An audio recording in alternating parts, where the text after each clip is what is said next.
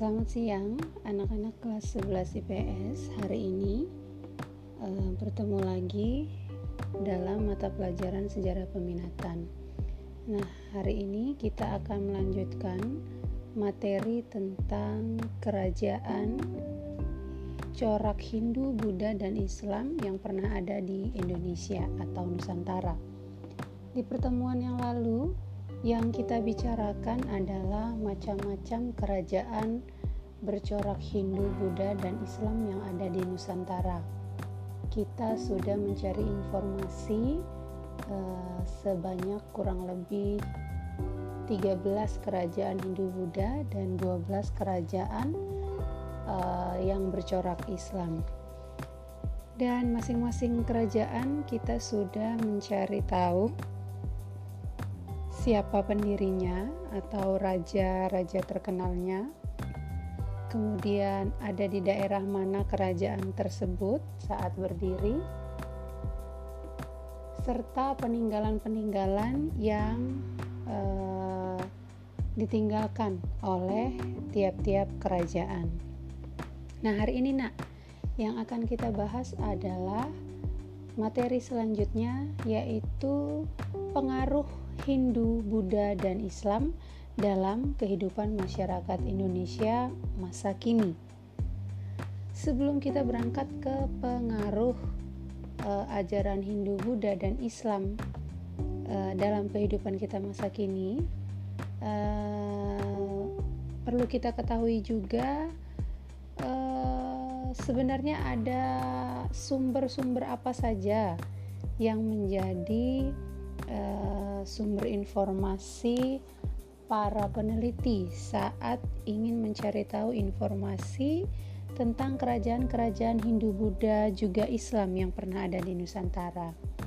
Nah, sumber-sumber tersebut antara lain adalah yang pertama prasasti-prasasti seperti yang kalian ketahui ya di minggu lalu uh, di tiap-tiap kerajaan khususnya di Hindu Buddha uh, setiap kerajaan pasti meninggalkan prasasti sebagai tanda kerajaan itu pernah berdiri.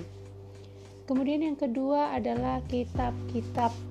Biasanya kitab-kitab yang digunakan oleh kerajaan-kerajaan ini adalah kitab-kitab suci yang mengajarkan ajaran-ajaran agama mereka ataupun kisah-kisah dari kerajaan mereka sejak berdiri seperti contohnya kitab Sutasoma yang sampai saat ini uh, salah satu petikan dari kitab Soma masih dijadikan sebagai ideologi negara Indonesia atau semboyan negara Indonesia dalam Pancasila yaitu Bhinneka Tunggal Ika.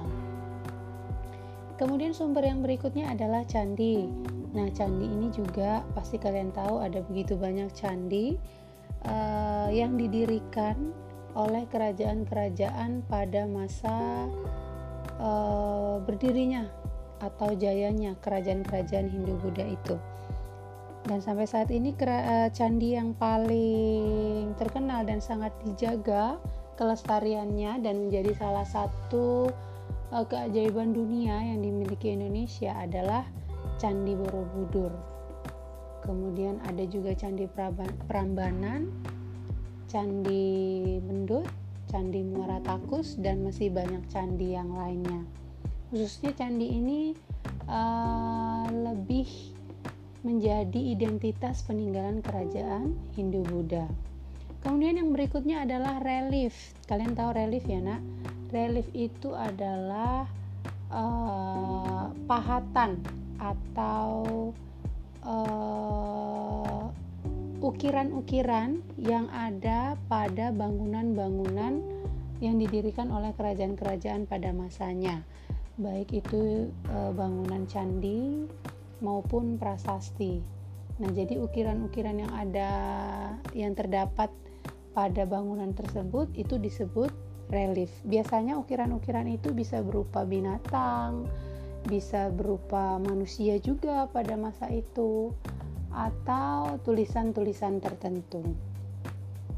Kemudian yang berikutnya adalah arca atau patung. Nah, biasanya tiap kerajaan itu pasti membuat patung daripada raja atau pendiri dari kerajaan-kerajaan yang pernah ada di Nusantara. Nah, berikutnya adalah uh, khususnya ini sumber-sumber sejarah yang ditinggalkan oleh kerajaan yang bercorak Islam di Nusantara, yaitu makam. Nah, kenapa makam dijadikan sumber sejarah kerajaan Islam? Karena hanya umat Islam yang jenazah jenazahnya dikuburkan ya nak karena kalau untuk Hindu dan Buddha itu mereka biasanya di, tidak dikuburkan tapi dibakar atau dikremasi. Maka sudah pasti uh, jika ada makam yang tentunya di situ ada nisan sudah bisa dipastikan itu adalah uh, peninggalan tradisi kerajaan Islam pada masa itu. Kemudian yang berikutnya bangunan-bangunan peninggalan. Eh, bangunan-bangunan uh, peninggalan ini tentunya uh, didirikan pada masa kerajaan kerajaan Hindu Buddha maupun Islam. Uh, misalnya uh, bangunan benteng Rotterdam. Nah, Bandung meskipun uh, benteng Rotterdam ini adalah uh, tempat di mana Belanda berkedudukan, namun ternyata benteng Rotterdam ini dibangun oleh Raja Tuni Palangga Ulaweng yaitu raja dari kerajaan e, Banten. Kemudian ada lagi yang disebut e, Istana Suro Sowan. Itu juga ada di Banten. Kemudian ada juga Masjid Agung Demak. Lalu ada Taman Gairah dan bangunan gunungan di Banda Aceh yang merupakan peninggalan dari kerajaan Aceh yang dibangun oleh Sultan Iskandar Muda. Dan masih ada banyak lagi peninggalan-peninggalan uh, yang berupa bangunan-bangunan pada masa kerajaan Hindu-Buddha maupun Islam. Nah, sumber yang terakhir adalah benda-benda lain yang dianggap sebagai uh, benda yang digunakan pada masa berdirinya kerajaan Hindu, Buddha, dan Islam di, di Nusantara, seperti mata uang, baik itu logam yang terbuat dari logam maupun tembaga. Kemudian mungkin peralatan-peralatan kehidupan e, penduduk pada masa kerajaan Hindu Buddha. Oke, ya yang berikutnya adalah sistem pemerintahan kerajaan Hindu Buddha dan Islam di Nusantara. Gimana sih sistem pemerintahan pada masa kerajaan dulu? Ada dua ciri nak. Yang pertama, sistem pemerintahannya itu dipimpin oleh seorang raja atau juga disebut sultan. Nah, sistem kekuasaan mereka ini biasanya eh, menganut sistem monarki ya nak, di mana eh, kekuasaannya itu diteruskan secara turun menurun dari raja ke anaknya, lalu ke anaknya lagi dan seterusnya.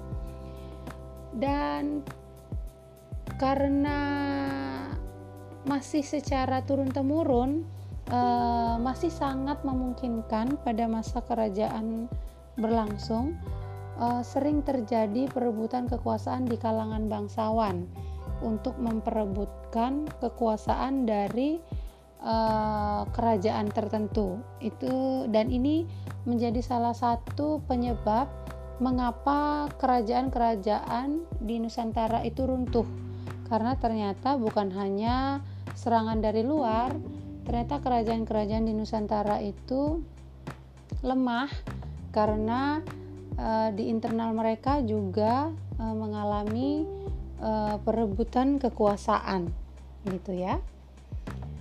Lalu bagaimana sistem e, kehidupan perekonomian kerajaan-kerajaan Hindu, Buddha dan Islam di Nusantara? Nah, sistem perekonomian kerajaan Hindu, Buddha, dan Islam pada masanya itu uh, mengandalkan sistem mata pencaharian yang paling maju adalah perdagangan, kemudian yang kedua pelayaran. Nah, lewat perdagangan dan pelayaran inilah negara negara-negara asing uh, turut masuk dan hadir di uh, tanah Nusantara. Kemudian yang ketiga adalah pertanian di mana hasilnya juga akan dijadikan komoditi untuk diperjualbelikan dengan eh, saudagar-saudagar yang berasal dari negara lain. Dan masih banyak usaha-usaha lainnya seperti membuat kain, kemudian membuat peralatan perang, eh, membuat perhiasan dari tembaga juga dan lain-lainnya. Yang berikutnya sistem sosial kerajaan-kerajaan Hindu Buddha dan Islam di Nusantara. Nah, sistem sosial atau kehidupan masyarakatnya eh, pada masa kerajaan itu umumnya ada eh, yaitu adanya pengklasifikasian dalam kehidupan bermasyarakatnya. pengklasifikasian itu maksudnya adalah pengkelompokan ya, Nak. Jadi pengkelompokannya ini bisa disebut dengan kelompok tertentu, kasta tertentu maupun golongan tertentu. Nah, biasanya pengklasifikasian ini dalam kehidupan masyarakat ini berdasarkan uh, tingkat pendidikan atau tingkat kekayaan yang mereka miliki atau juga garis keturunan uh, dari mana mereka dilahirkan.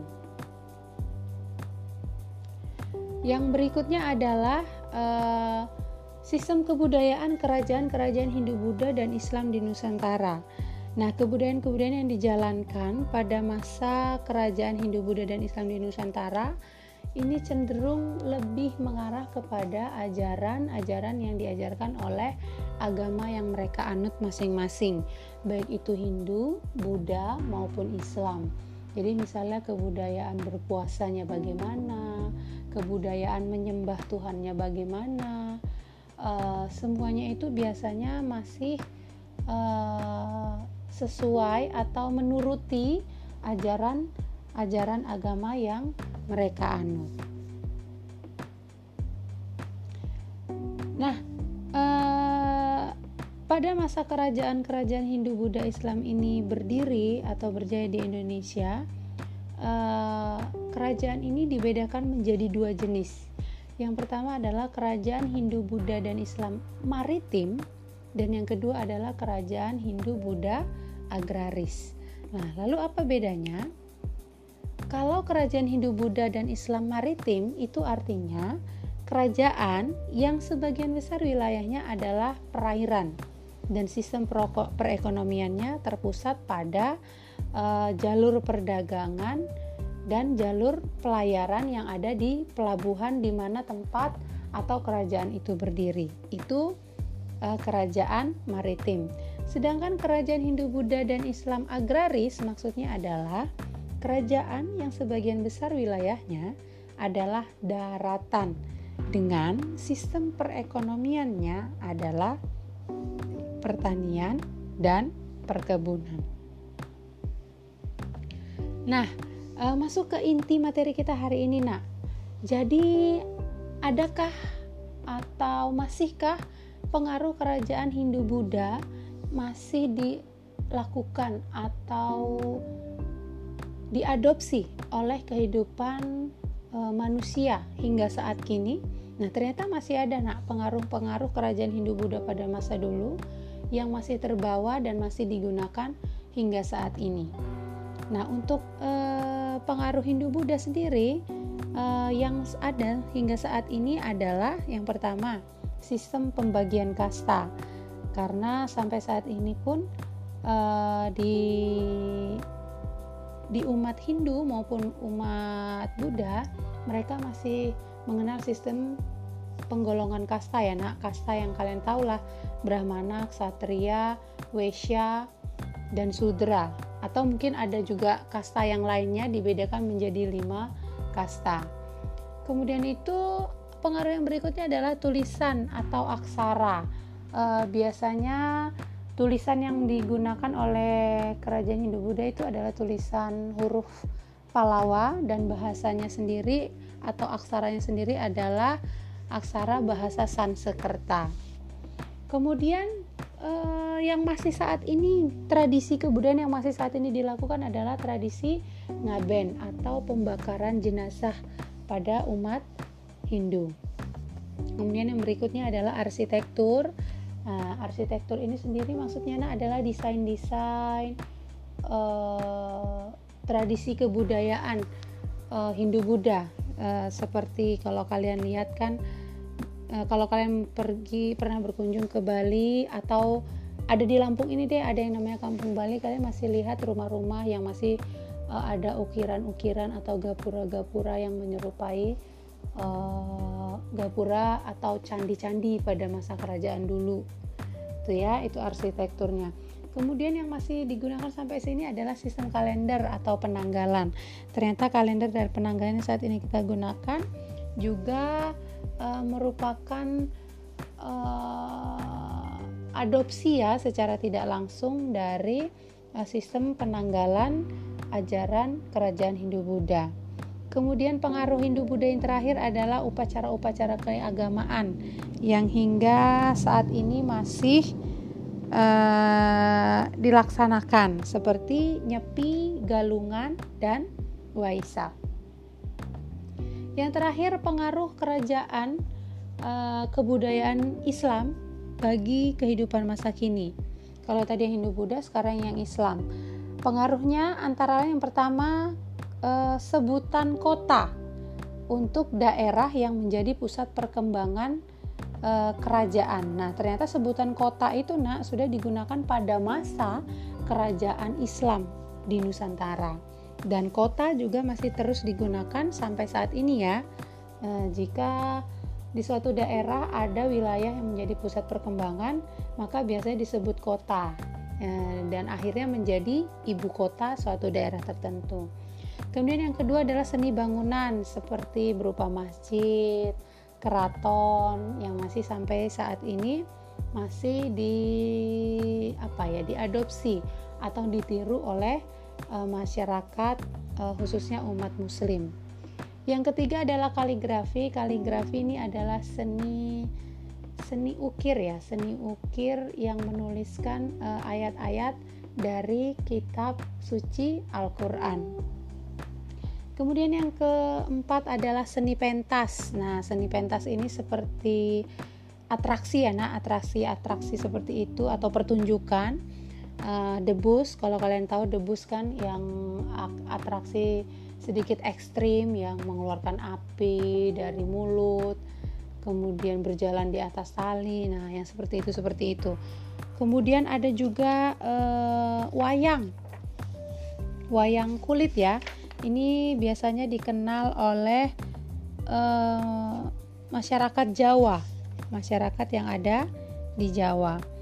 Kemudian Sudati, Sudati ini adalah tarian Aceh, tarian khas Aceh yang sampai saat ini masih sangat uh, dibudi, di, dibudidayakan uh, tarian ini.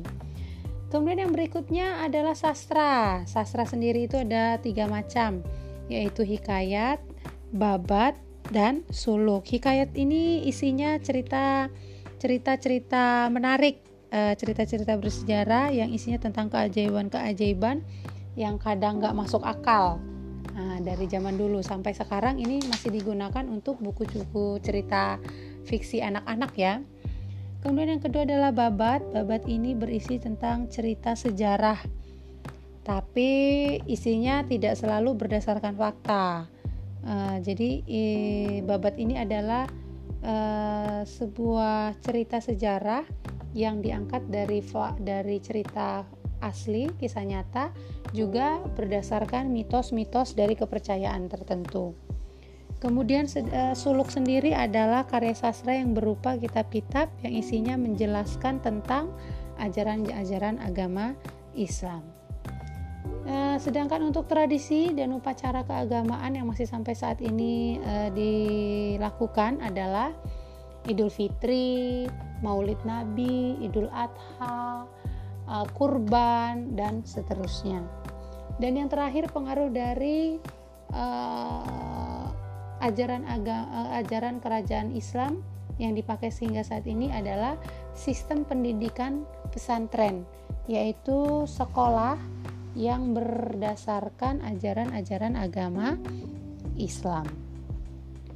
Oke, itu tadi nak eh, pemaparan materi yang kita pelajari hari ini. Semoga kalian eh, memahaminya. Walaupun kalau kalian tidak uh, memahami sepenuhnya atau ada materi yang kurang jelas, kita akan bisa mendiskusikannya setelah ini uh, di kolom chat uh, grup kelas kita ya. Jadi demikian dulu nak pemaparan kita hari ini. Uh, sampai ketemu lagi di pemaparan materi selanjutnya. Selamat siang, Tuhan Yesus memberkati.